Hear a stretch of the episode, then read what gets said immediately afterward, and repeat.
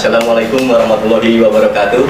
Waalaikumsalam warahmatullahi wabarakatuh. Pertama-tama marilah kita panjatkan puji serta syukur kita kehadiran Allah Subhanahu wa taala karena atas rahmat serta karunia-Nya kita masih diberi kesempatan untuk berkumpul bersama ya sekaligus bertegur sapa ataupun bersilaturahmi via sosial media dalam acara observasi observasi observasi observasi juga merupakan singkatan sebenarnya dari obrolan seru dan bervariasi yang merupakan gagasan ataupun program kerja dari pemuda-pemudi RW 02 Komplek Maslayung Karang Taruna ya yang bernama Pak Kupayung.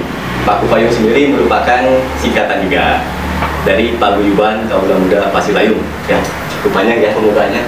Nah, baiklah nama saya Dewi Chandra Gaya selaku host di acara observasi ini saya Hamzah tidak sendiri. Ya setelah sekian lama akhir- akhirnya ya saya tidak sendiri lagi. Saya ditemani oleh dua orang bintang tamu atau narasumber. Siapa saja mereka akan saya perkenalkan. Di sebelah saya ada Kang Uus Lukmansyah betul Kang Uus Lukmansyah Betul. beliau selaku ketua Karang Taruna Mahasiswa Bakti atau Karang Taruna Kelurahan Pasir Layung itu ATMB ya? Disingkat. sehat Pak Uus Alhamdulillah. ya, ya, ya Ya, betul. Wah, Wah, di sebelah bawah sini ada eh, beliau merupakan apa selaku ketua RW 02 Komplek Pasilayung ataupun orang nomor satu ya di Komplek Pasilayung Bapak Agus Panentang itu Pak. Ya. Ini kedua ini punya nama julukan nggak? Biasanya kan kalau pejabat-pejabat punya nama julukan kayak Bang Ridwan Kamil RK misalkan Pak Ridwan. Kalau sendiri UR bisa. UR. UR. Kenapa? Pak Agus sendiri? Boleh dibuka ya? Boleh, silakan. Sedang berbicara kan? Ya. Tidak menyalahi protokol kesehatan. Kalau teman-teman sejawat, itu maksud jawaban. setiap pengurusan manggil saya apa tuh? Apa? W, Woi, oh, woi apa namanya Pak? RW. Oh, RW. Jadi disingkat woi namanya. Kalau RW kita terdahulu kan pada udah pada sepuh, jadi mungkin Pak RW, Pak RW. Pak RW. Tapi sekarang kan kepengurusan kebanyakan sebaya, jadi panggilnya gitu aja. Oh, gitu. W, ke mana W? Jadi bisa manggil woi, Pak woi. Kalau mau manggil, manggil bisa singkatan BAP nggak enak ya Bapak Agus Panotang gitu kan. Pemeriksaan BAP gitu kan. Jadi woi aja ya sekarang ya. Oke. Terima kasih mungkin eh, terima kasih atas kehadirannya mau sudah berbincang-bincang seru nanti ya. Ada pertanyaan-pertanyaan dari tema kita pada hari ini. Tema kita pada hari ini yang pertama itu ada pemuda, cinta dan harapan. Kali pemuda, cinta dan harapan. Baik, kali. Oke, Jadi ada pemuda, cinta dan harapan. Akan kita bertanya-tanya mengenai apa itu pemuda, cinta dan harapan. Menurut pandangan Bapak dan juga Kang ya. Uwa. Oh, Uwa. Oh iya, Uwa. Saya panggilnya Uwa. Eh, Oke, kita sebelum kita bertanya-tanya mungkin akan eh, bertanya mengenai kesibukan ya masing-masing bintang tamu atau narasumber. Dari dari bapak dulu ya. Bapak itu dari bapak RW sendiri. Pak Agus mungkin kesibukannya selain mengurus atau berbakti kepada warga tentunya sebagai RW 02 apa aja sih kalau terus kemudian pas di masa pandemi seperti ini apa perbedaannya sama sebelum masa pandemi aktivitas? Silakan. Terima kasih. Yang pertama, terima kasih sudah bisa sudah mengundang saya dan kami lah mengatasnamakan kepengurusan RW. Tadi kan cukup enak juga dipanggil sini, wah saya W aja nggak apa-apa. W, wah, sama W. Eh, berbicara masalah kesibukan, tentunya dihadapkan kepada kesibukan yang rutinitas dalam artian ya sedikit. Cuman eh, berkenaan dengan eh, pandemik ini ada beberapa kegiatan yang memang harus ter apa namanya tersedat atau depending malah karena kegiatan saya pribadi dalam hal eh, pekerjaan itu kan justru eh, apa namanya berkaitan dengan apa yang terjadi pada saat ini. Saya kan dua kegiatan yang bisa dikatakan rutinitas itu kan bawa mobil sama ngebengkel. Oh gitu dia. Ngebengkel di rumah sakit justru. Oh di rumah sakit pasti bertanya-tanya apa Bengkel rumah sakit. Oh, di bengkel. Jadi eh, ada kalau suka lihat di rumah sakit ada radiologi kan? Ya. Nah di sana kan ada mesin-mesin. Nah di situlah jadi mesin-mesin itu yang di maintenance sama saya sama teman saya. Jadi sekarang itu agak berkurang ke rumah sakit, ke laboratorium itu karena memang sekali harus membenar memperbaiki mesin yang waktunya hanya hanya 10 sampai 15 menit, tapi persiapannya harus pakai APD dan lain sebagainya itu sangat riskan sekali. Artinya ya eh, ke kenyamanannya juga jadi kurang. Akhirnya eh, dari dari pihak eh, apa namanya dari pihak ya atasan saya katakan eh, hal yang paling krusial aja yang dibenahi yang dibenahi sebelumnya kalau mas- masa-masa sebelum covid itu hampir setiap hari kita ke rumah sakit ke lab gitu kan. Di samping ada kegiatan yang eh, sampingannya di bawah mobil itu kan. Terus kalau hal-hal yang sifatnya kegiatan di eh, lingkungan di kewilayahan itu ternyata sangat di luar dugaan Kang Us betul ketika ada pandemi itu ternyata lebih dari sibuknya mungkin ya setara dengan wali kota lah. Jadi Bapak makin sibuk, Pak. Sibuk. apa-apa ya berkenaan dengan protokol. Apa-apa berkenaan dengan pro- protokol. Sampai-sampai eh, kegiatan yang se- sebetulnya belum kita pernah lakukan harus dilakukan. Sama teman-teman karang taruna juga kan seperti checkpoint dan lain sebagainya. Ya. jadi itu eh, memberikan kita akhirnya kepada kebiasaan baru yang dicanangkan oleh gubernur kita RK AKB itu ya, Ya. jadi eh, dari pihak pemerintah pusat pun tidak tidak bisa memberikan apa namanya teh gambaran bahwa covid akan berakhir. Tapi lebih ke eh, kita berakb aja beradaptasi kebiasaan baru bermasker nantinya jadi biasa menjaga jarak jadi biasa juga kemudian eh, hal-hal yang sifatnya protokol kesehatan jadi terbiasa kita lakukan itu mungkin sementara yang bisa saya sampaikan Ya. nanti ditambah sama kampus mungkin di dalam pandemi juga terdapat hikmah mungkin ya setiap kejadian itu ada hikmahnya pas ada ada kelebihan atau kekurangannya mungkin Mungkin terima kasih kepada corona Eh, terima kasih memberikan hikmah yang sangat eh, tidak di luar dugaan. Di luar dugaan, ya. Jadi silaturahim kita semakin erat. Itu sisi positifnya. Kalau sisi negatifnya ya semua orang juga sudah, Iya. semua masyarakat sudah bisa merasakannya. Tapi mari kita lihat sisi positifnya. Kemudian apa selanjutnya itu menjadi eh, gambaran kita bahwa kita harus menghadapi corona ini begini dan begitu. Ya. terima kasih Bapak lagi Itu aja dulu. Oh, iya. terima kasih mungkin kepada Wau sekarang ya Oh, iya, betul. Wah ini teman lama saya juga ya dari kecil satu pernah satu sekolah SMA ya Ya. dari keluarga bareng ya Barang kayak Baik. Ya, silakan, mengenai dikeroyok. sibukan Pak Ya, mungkin teman-teman di sini sudah tahu kalau saya tuh kader kader sini apa ya, Ya. kader sini. Dan tidak lupa lagi, ya beliau tuh bukan W sebenarnya buat saya, tapi senior kakak. Selain W ya, Selain itu senior kakak. Dan mungkin bapaknya kawan saya juga. Nah, seperti itu.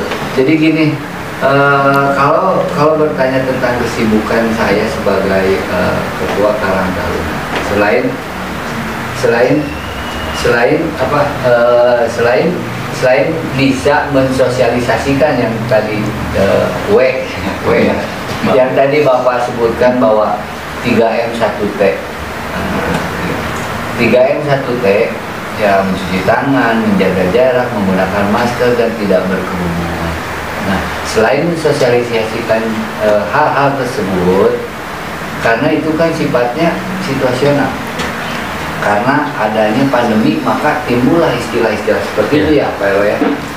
Karena, eh, nah, ketika kita menemukan sesuatu hal yang baru ya, maka keterlibatan dari semua unsur itu harus bukan harus ya sifatnya bah- bahkan Wajib. wajib ya Ya, pakai sholat ya. Iya kayak sholat ya. Kayak sholat lah seperti itu ya. Jadi eh, untuk untuk untuk apa melaksanakan 3M 1T tersebut kalau hanya segelintir orang yang eh, mensosialisasikannya itu sepertinya mustahil kan? Ya, ya. maka di situlah semua elemen mau pemuda, mau orang tua, bahkan sampai anak kecil pun kalau bisa berperan aktif ya bikin something lah untuk untuk untuk kebersamaan gitu kan seperti itu mungkin kalau kalau ber- berbicara tentang kesibukan di masa pandemi di luar pandemi Ya. di luar pandemi ya mungkin kesibukannya kita mengatur program-program atau kegiatan-kegiatan yang sifatnya ya kalau Karang Taruna khususnya ya khususnya kepemudaan terus eh, sebagai fungsional Karang Taruna yaitu pekerja sosial. Kalau saya cerita di sini saya kalau ini ya di zaman pandemi ini mungkin Pak Agus sudah tahu ada lansia terlantar yang satu sudah meninggal bulan kemarin. Yang satu lagi masih masih kami rawat. Seperti itu deh jadi fungsi kerja eh, Karang Taruna sesuai dengan Permensos nomor 6 tahun 2015 itu mengatakan bahwa eh, sosial harus dikedepankan. Makanya setiap saya bicara di RW lain saya selalu bilang kalau kamu mau jadi karang taruna saya katakan this is not livelihood. Ini bukan mata pencaharian gitu. Jadi buat teman-teman di sini karang taruna ya sosial lah yang paling Sosial, ya. betul seperti itu. Itu kalau ya. kegiatan keikhlasan kalau kalau di zaman pandemi ini mungkin ada boleh saya nanya sama anda Oh, boleh nah, anda tadi bilang saya, Mhm. saya tidak sendiri sama siapa sekarang Sama kalian. ini karena kan tadi saya Iya. Beliau yang bilang. Ambil saya sendiri kan di warung sendiri anak juga. maksud saya Oh, calon calon belum Allah. Doain aja minta doanya aja. banyak Amin, amin. amin banyak alumni Banyak. SMA kita kan Baik jalan aja.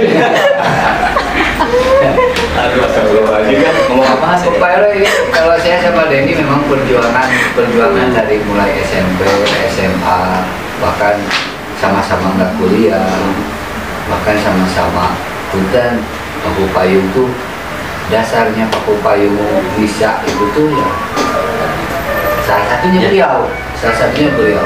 Terima kasih buat harusnya teman-teman yang ada di sini dia menggunakan nama Paku Payung itu ya inilah salah satu bisa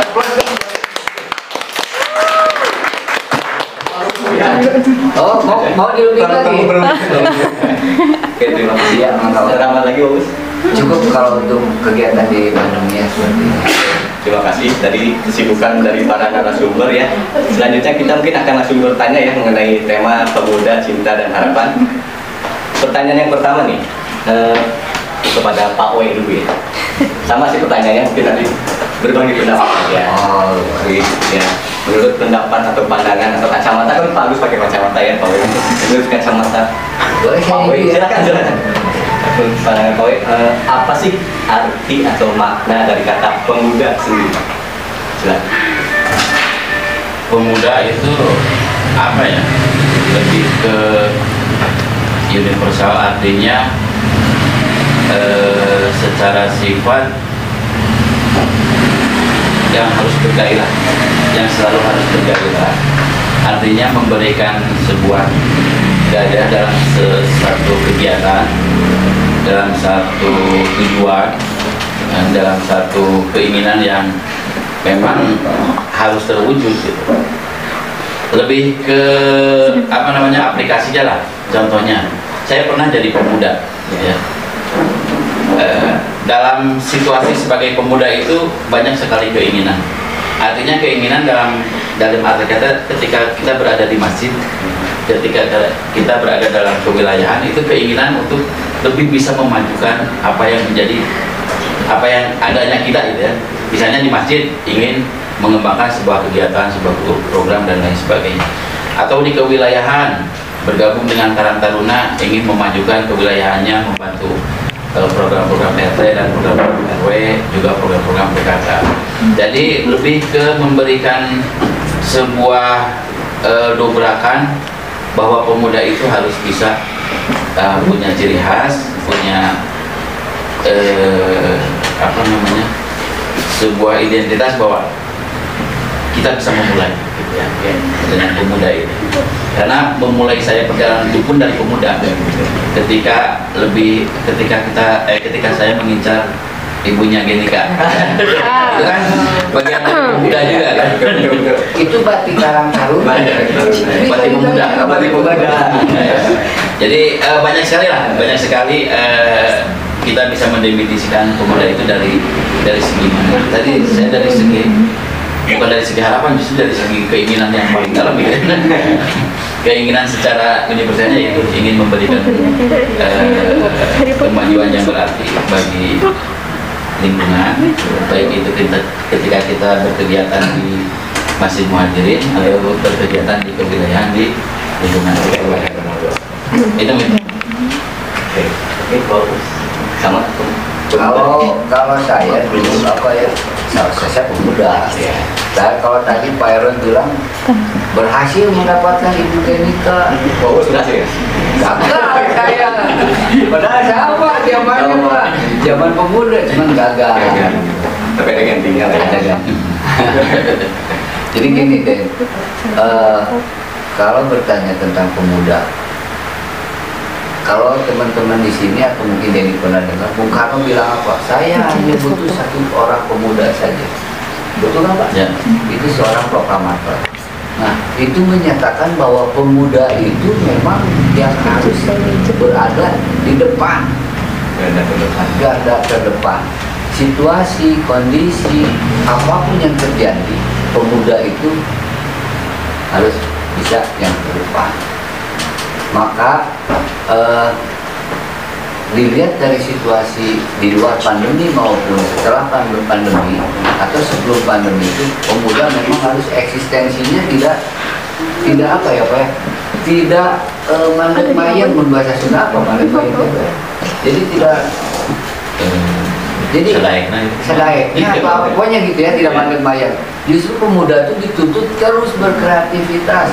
Terus beraktivitas ya tentunya yang positif tentunya yang positif nah khusus untuk Pasilayung ini regenerasi sudah oke. Kegiatan pun Pak punten kegiatan pun juga kalau di RW 02 sudah mulai modern. Karena ada ada ada ada ada beberapa pemuda yang sifatnya dan yang sifatnya hanya eh, melakukan aktivitas rutinitas yang itu itu saja.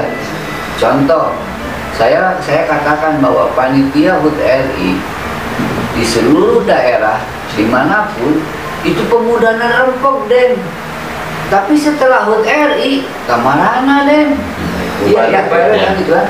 Nah itu alhamdulillah kalau di Pasilayung tidak nah itulah tuntutan pemuda tuntutan pemuda untuk selalu berinovasi kreatif baik di bidang apa pun tentunya dengan tanda kutip positif seperti itu dong kalau menurut saya Menurut. Iya menurut pandangan saya karena saya juga kan bukan pemuda Masih, masih. masih pemuda juga saya seperti itu Terima kasih. Nah. Mungkin kalau dari pandangan saya pribadi ya, mengenai pemuda sendiri adalah kalau secara bahasa atau secara logika mungkin kan lihat dari usia ya. Ya. ya betul Usia. Tapi kalau misalkan secara ini mungkin bahwa saya memikirkan pendapat bahwa dari saya kalau pemuda itu adalah sebuah jiwa. Jiwa. Ya jiwa. Jiwa dari mana itu? Kalau pemuda itu yang seharusnya sesungguhnya pemuda itu punya jiwa semangat yang tinggi. Iya betul. Lanjut tinggi. Betul. Harus berkreativitas dan sebagainya. Makanya ya pemuda itu adalah jiwa menurut saya karena kadang-kadang kadang-kadang kita lihat ada orang tua yang punya semangat muda betul. Berjuang keras seperti pemuda. Ada yang kemudian malas-malasan memberikan bahkan ini di undang-undang eh, Permensos ya. eh, khususnya tentang Karang Taruna. Batasan Karang Taruna itu di angka 45 tahun. 45 tahun. Masih muda loh kita ya? Ih, muda.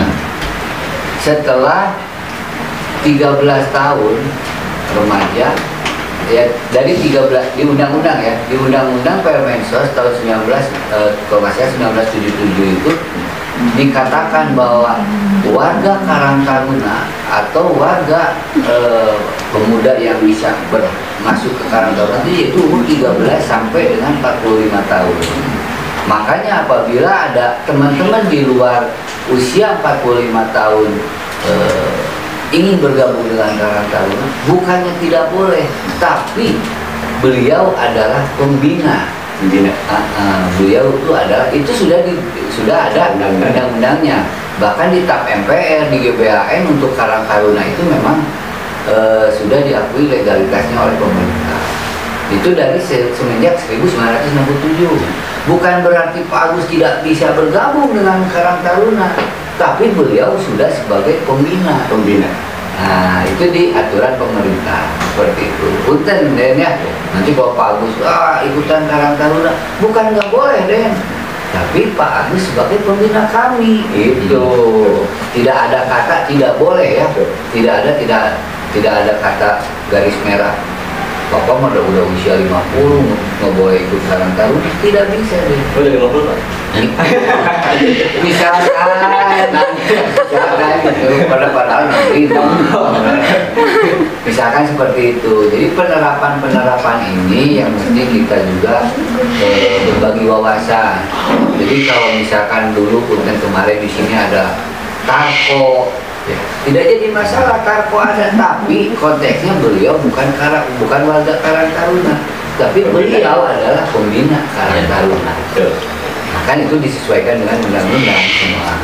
Tuh kalau masalah pemuda di konteks Karang Taruna ya.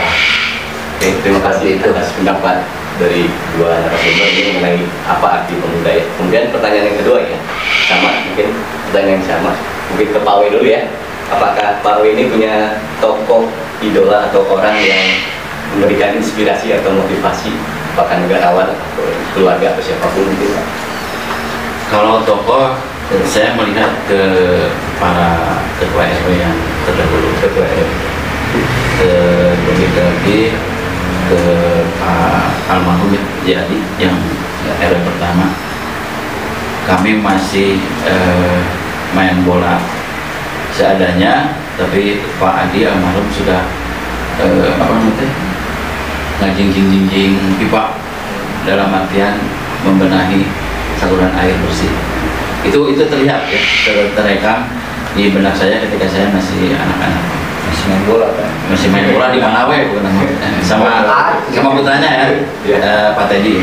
Yang sekarang jadi kak sesi keamanan di RW terus lagi ya tidak memungkiri Pak Haji Tommy Jatika itu ketika beliau jadi RW saya kan sekretarisnya memberikan banyak masukan kepada saya ketika saya eh, diamanati oleh warga untuk bisa menjadi eh, bisa apa menjadi ketua RW untuk periode yang eh, sekarang gitu. Jadi itu yang yang paling banyak menginspirasi saya Pak almarhum jadi sama Pak Tommy Jatmika. Semuanya pernah jadi ketua RW. Dan Pak Pak Tommy Jatmika sendiri sekarang masih jadi penasihat penasihat ya, penasihat RW di periode sekarang. Buat uang. Kalau saya budut ya, budut, budut Budi Utomo ya, Budi Utomo karena beliau salah satu salah satu orang yang berhasil mengumpulkan eh, berhasil mengumpulkan pemuda-pemuda Indonesia. Kalau kalau teman-teman pernah dengar ada Yong Chalabas, Ya. Yong Java, Yong Jonglek. Bukan yang Lepan. Nah, kan berawal dari situ pemuda itu bisa ya pemuda Indonesia, pemuda Indonesia itu berawal dari keinginan-keinginan untuk bergabung Ya. bersama. Nah, itulah yang tadi saya bilang kalau diimplementasikan di kewilayahan, saya setuju kata Pak Agus. Di kewilayahan itu pemuda itu tidak bisa berpisah, harus bergabung. Nah, makanya tadi saya katakan kalau saya lulus. Begitu. Budi Utomo ya. Budi Bukan Budi Doremi ya. Nah, Budi. Oke, terima kasih mungkin pertanyaan kedua tadi mengenai apa tokoh idola. Mungkin kita break dulu aja ya. Kita akan lanjut. Minum atau kopi-kopi dulu kan? Oh boleh, boleh, boleh. silakan.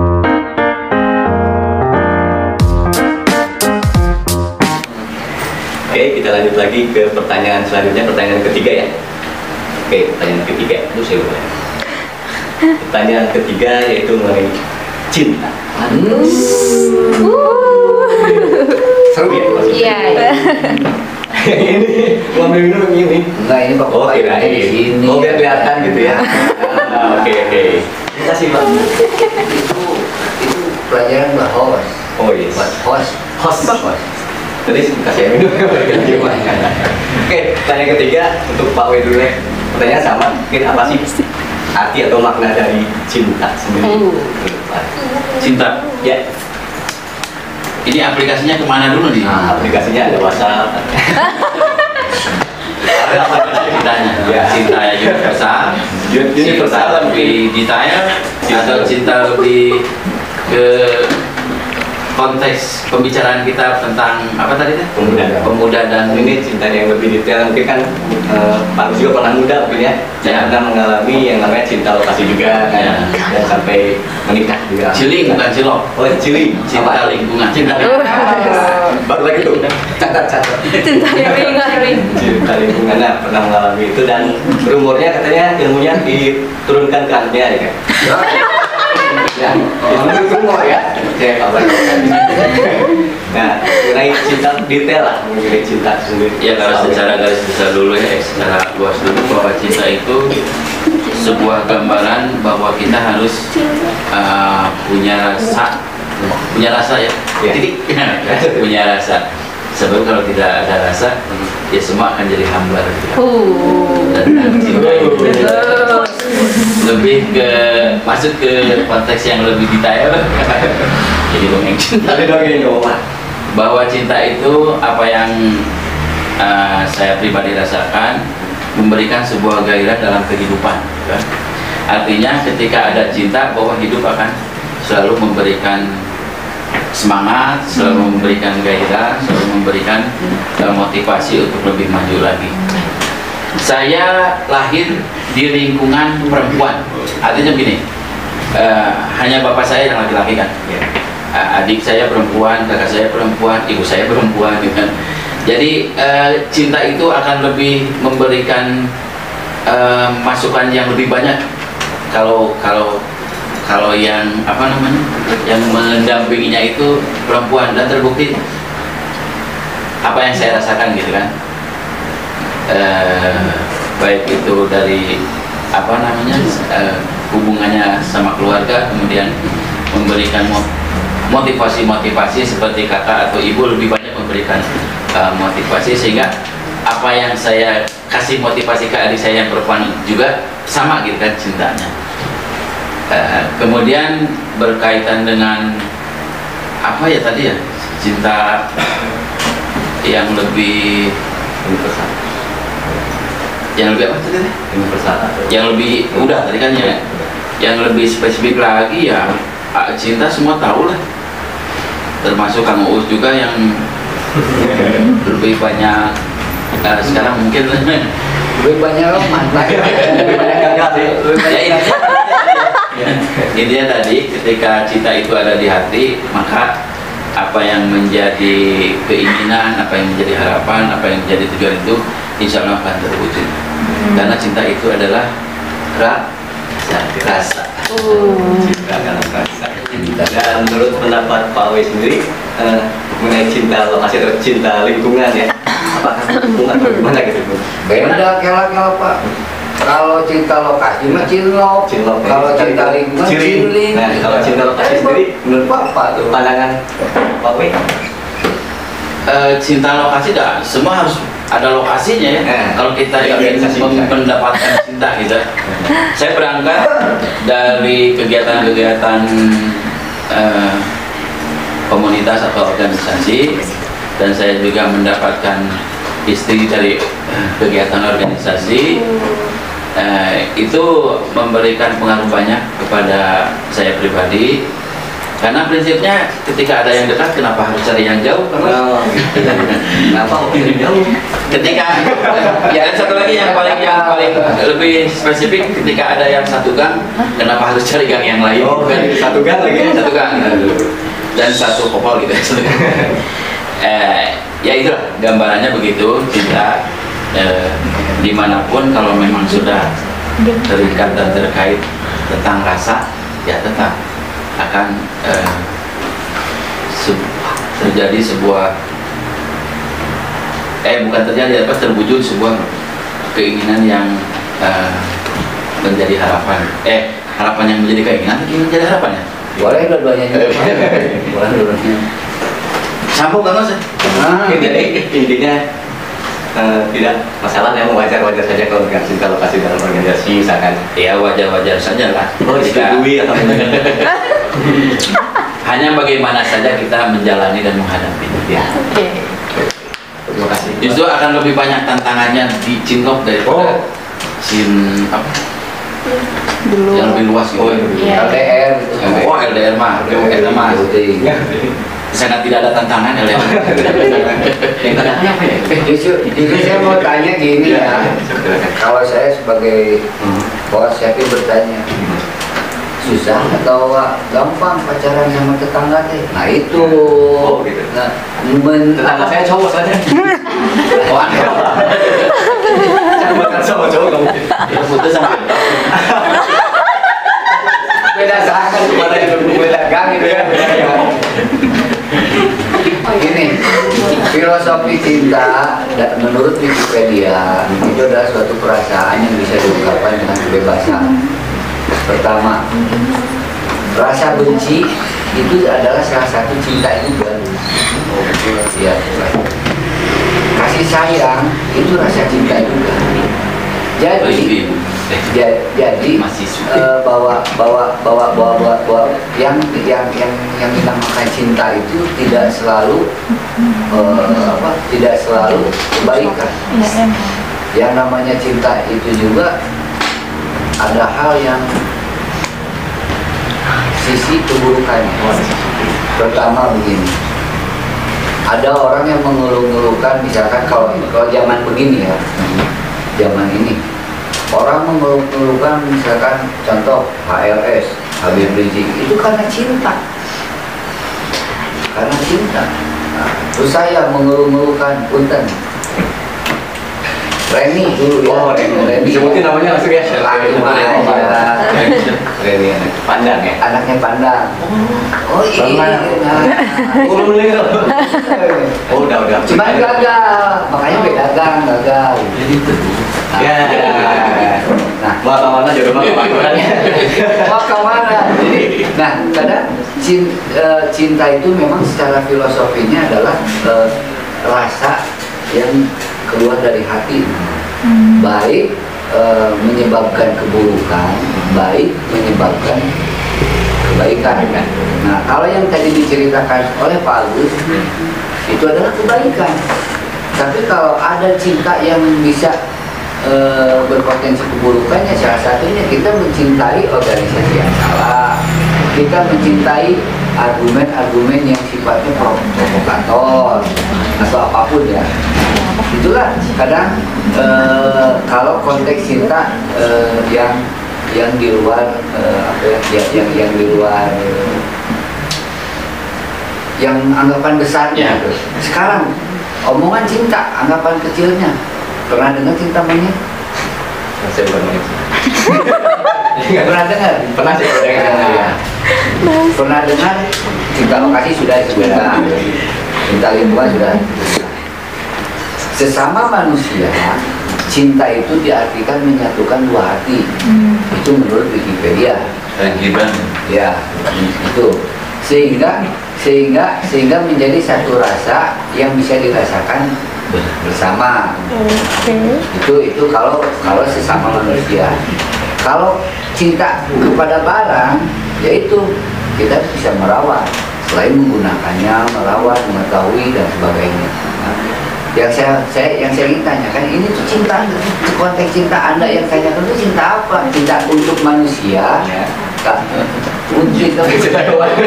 Cinta hewan boleh. Cinta hewan boleh. Nah makanya tadi saya saya kasih jawaban yang secara secara universal Iya. bahwa cinta itu adalah perasaan yang keluar dari hati dari hati ya dari hati untuk sesuatu yang mengarah ke lebih baik.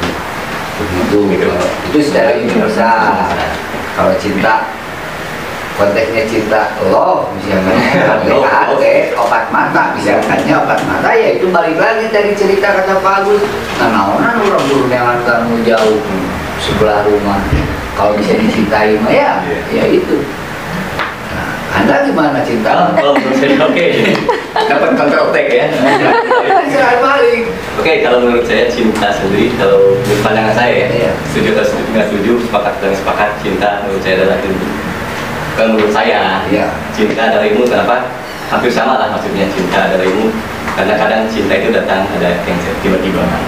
Kadang ada cinta itu memang harus dicari. oh dicari Kalau ilmu nggak mudah, jadi cinta itu harus dicari kan. Kan seperti ilmu harus dicari. Kadang ada yang tiba-tiba mungkin misalkan saya kasih contoh misalkan si A, eh, kan jadi si A, si B misalkan ya. Akan so misalkan si B ke Budi, cinta, Budi, Budi, misalnya ketemu dengan seseorang yang baru dikenal atau ketemu dengan yang eh, sudah lama dikenal atau baru saja dikenal tiga ya. Sama seperti ilmu ya. Jadi kita bisa mendapatkan ilmu dari orang yang enggak kita kenal sama sekali baru kita kenal dan bahkan sudah lama kita kenal.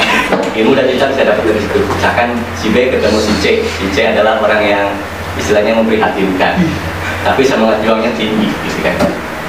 Lihat si C itu mungkin si B jadi dapat ilmu dong.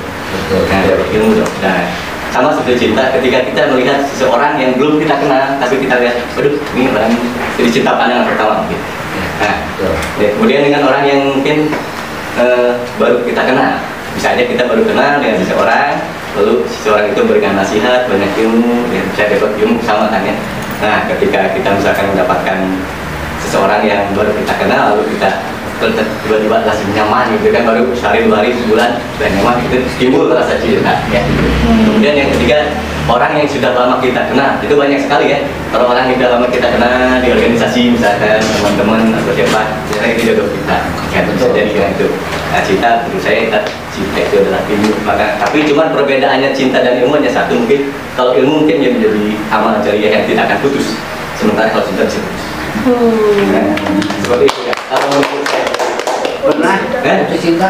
Belum makanya saya belum pacaran cuma ilmunya itu yang jadi pertanyaan. Ya, itulah. Pernah putus cinta? Cuma sedikit satu yang harus digarisbawahi. Karena berang, saya berangkat dari organisasi, kemudian di organisasi pemuda saya masuk perangkat cinta lingkungan Iya. dan akhirnya menjadi istri saya.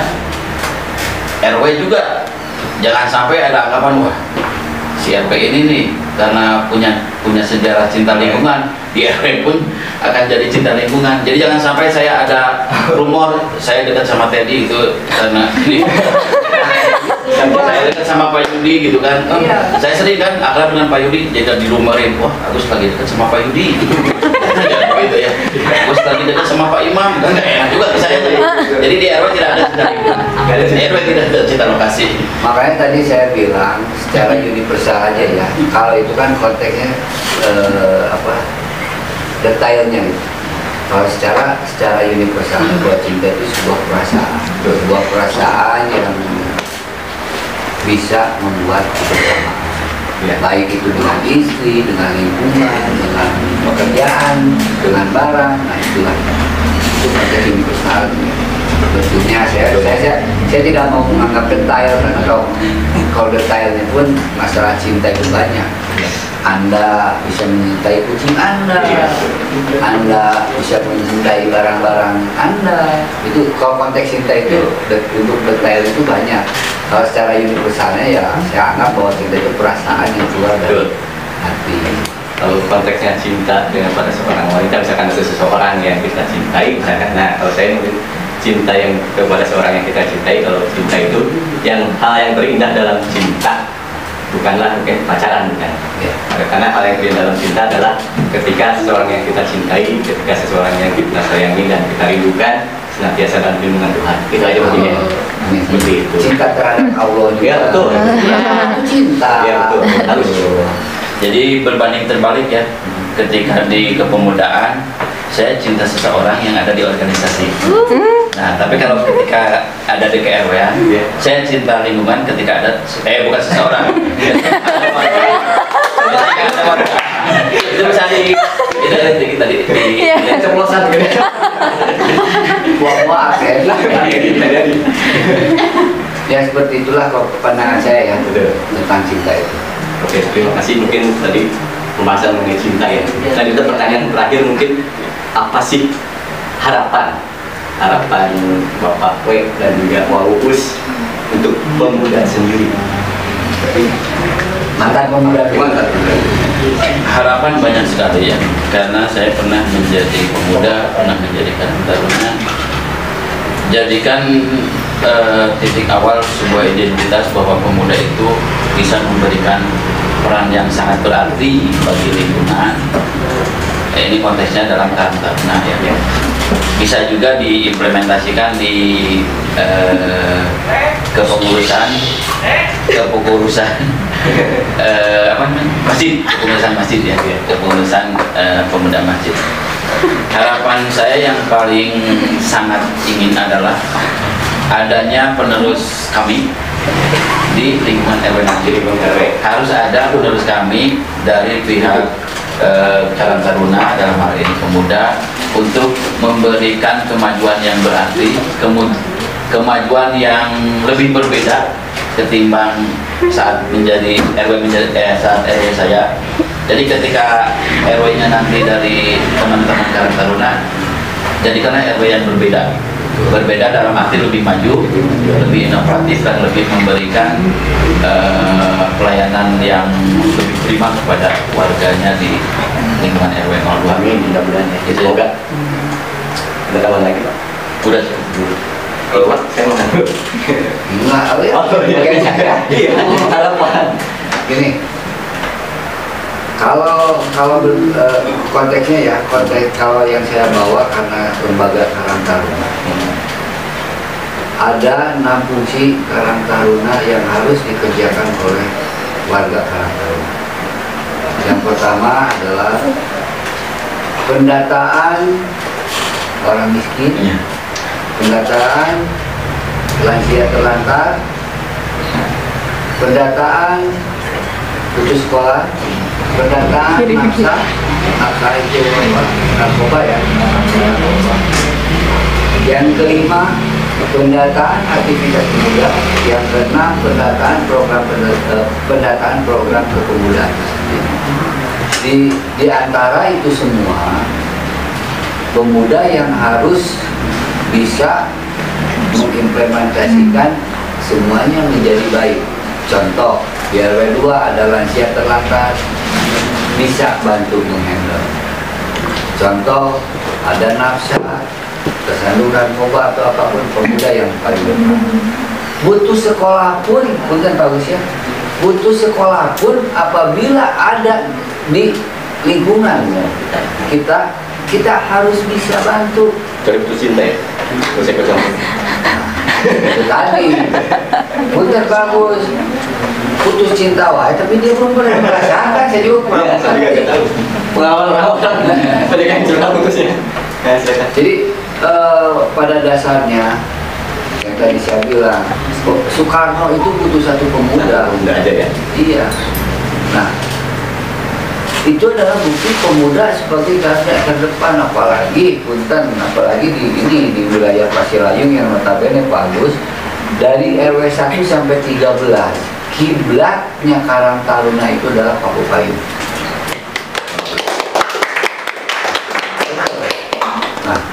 Ini ini berkat siapa kalau bukan pribadi?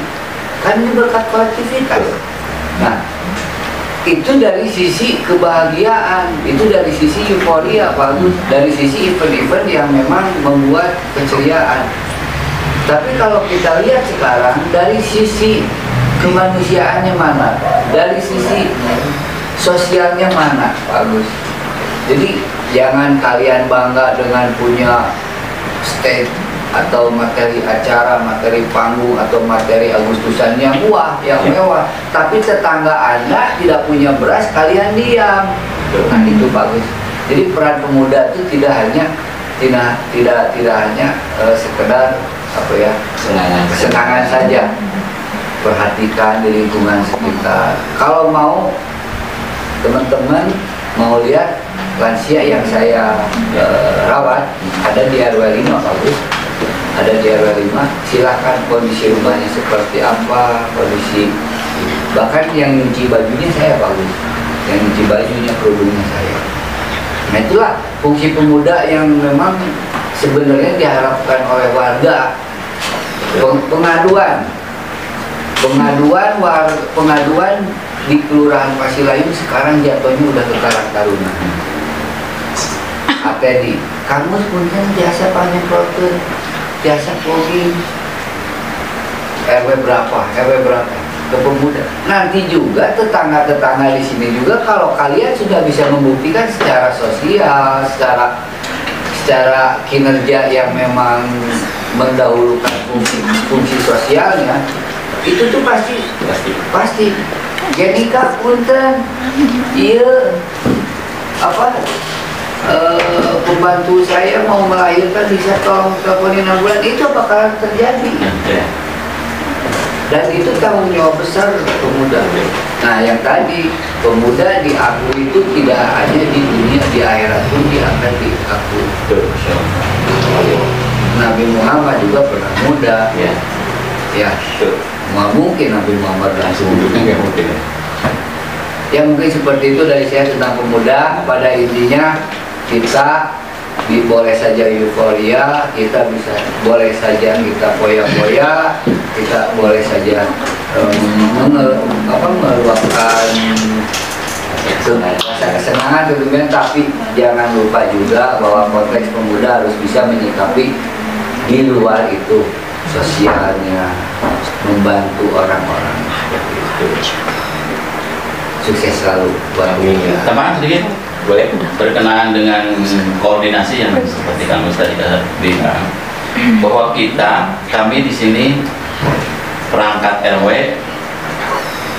Insya Allah 80% seangkatan saya ya. Betul. kemudian para ketua RP para ketua RT hanya RT 3 yang sudah bukan lansia sudah sepuh semuanya seangkatan saya. Artinya eh, koordinasi bisa sambil eh, lebih santai ya RT 1 RT 4 2 4 5 6 itu seangkatan saya bahkan ada yang di bawah saya ibu PKK ibu PKK pun sekarang sudah sebaya dengan sebaya. kita ya dengan kami Ibu Dila itu sudah sudah sebaya. Kemudian ketua DKM pun seusia sama saya. Artinya artinya semua perangkat yang ada di lingkungan KRW 02 itu sangat memungkinkan memungkinkan sekali untuk saling berkoordinasi secara Betul. secara katakanlah santai tapi serius.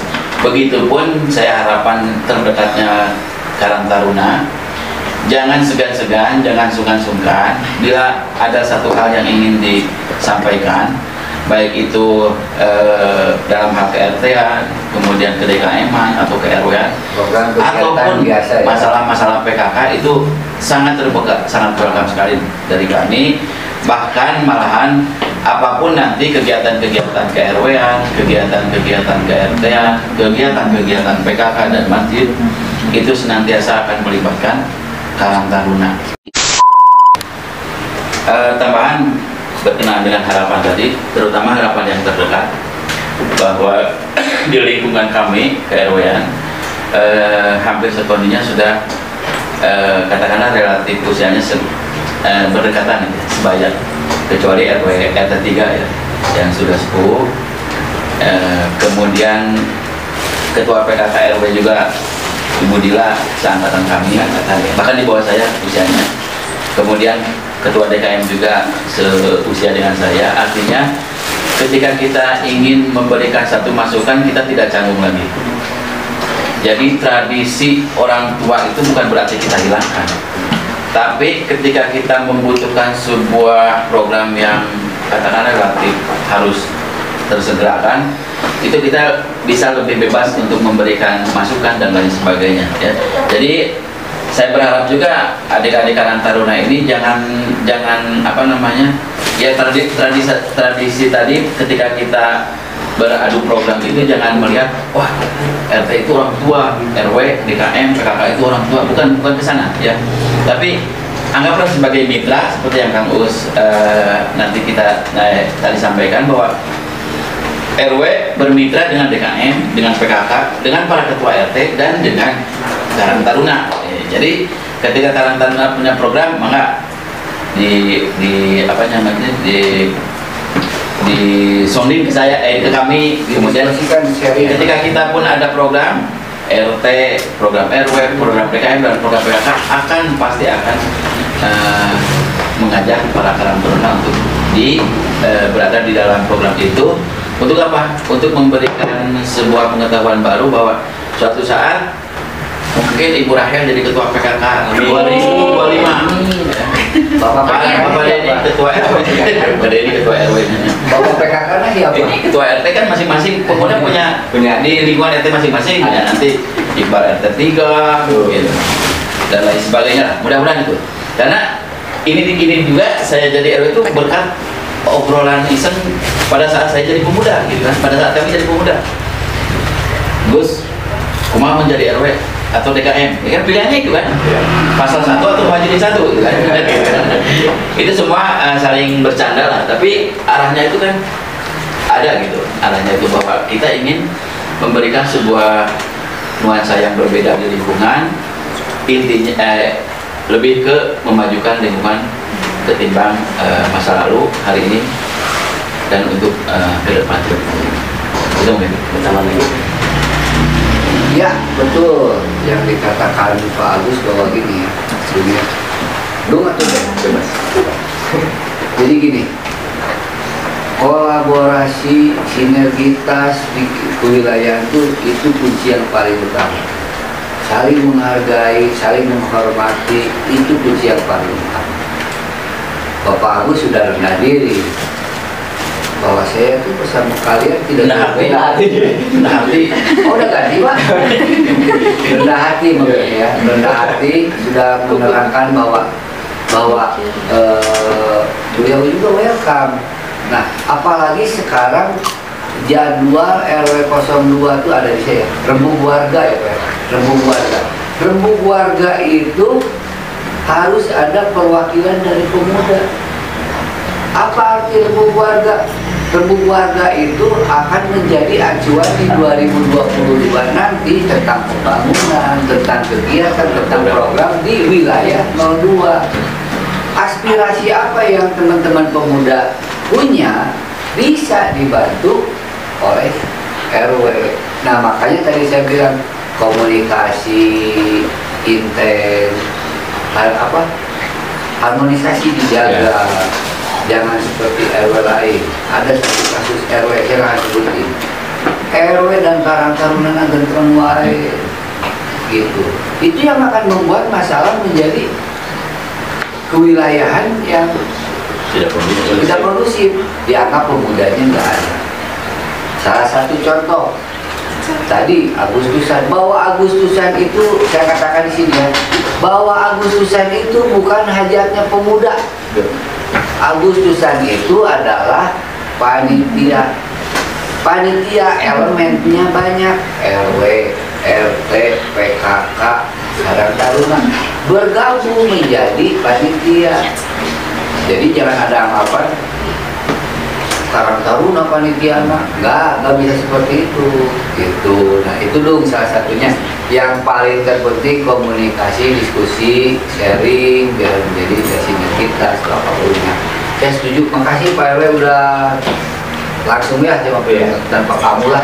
Tapi atur nuhun RW 2 sudah menurut saya sudah solid lah. Walaupun punten waktu saya di sini tidak secanggih ini. Rapat oke kertas A4 dibagi empat. Udah sekarang kan WA Ya, BBM Grup ya. ini cerita lama boleh saya dua ya. Nih Zaman KOC. jangan KOC rapat kertas oba yang bikin oba yang bikin empat dibagi empat. Balba motongan aralin mana yang motongan mana yang motongan padahal itu tukang potong biaya Baik, bisa ada alatnya. Seperti itu. Tapi kan sekarang mudah. Tek tek tek tek. Nah mudahkanlah jadi manfaatkanlah seperti itu. Yang terpenting yaitu komunikasi lah menurut saya. Seperti itu. Hidup pemuda. Nah, ya mungkin kalau tambahan dari saya mengenai harapan untuk pemuda sendiri itu tetap solid mungkin ya. Iya, tetap betul, eksis solid. Ya, mungkin jangan tak perlu berjauh-jauh mungkin eh, bermanfaat atau berguna bagi bangsa dan negara. Nah, minimal kita wilayah. sekitar aja mudah-mudahan kalau kita bisa apa berguna bermanfaat untuk lingkungan sekitar insya Allah bisa berguna juga untuk bangsa negara. Agama juga dan kita ditambahan sih Pak Gus tadi yang bilang jadi apa orang yang bertanggung jawab dan melakukan tugasnya punya sebagai pemuda istilahnya hiduplah sebagai seperti jam dinding lah Ya, betul. walaupun kita dilihat tidak dilihat diperhatikan atau diperhatikan kita tetap menjalani tugas. Ya, tetap akan jalan jamnya gitu kan. Jadi tetap apa bertanggung jawab dan melakukan tugasnya dan juga tetap rendah hati dan seperti Pak Wei bilang rendah hati jadi seperti air putih mungkin ya seperti air putih tidak mewah namun sangat rendah hati. Mungkin seperti itu ya. Ya mungkin kita sudah di penghujung acara enggak ini putih warnanya. Gelasnya. Oke, kita sudah di penghujung acara. Terima kasih kepada para narasumber sudah bisa hadir dan berbincang-bincang dengan saya dan bersama para kru. Dan juga mohon maaf apabila ada kata-kata yang kurang berkenan. Dan ya, akhir kata kita pamit.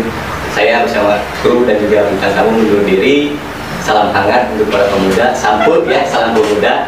Wabillahi taufiq wal hidayah. Wassalamualaikum warahmatullahi wabarakatuh. Waalaikumsalam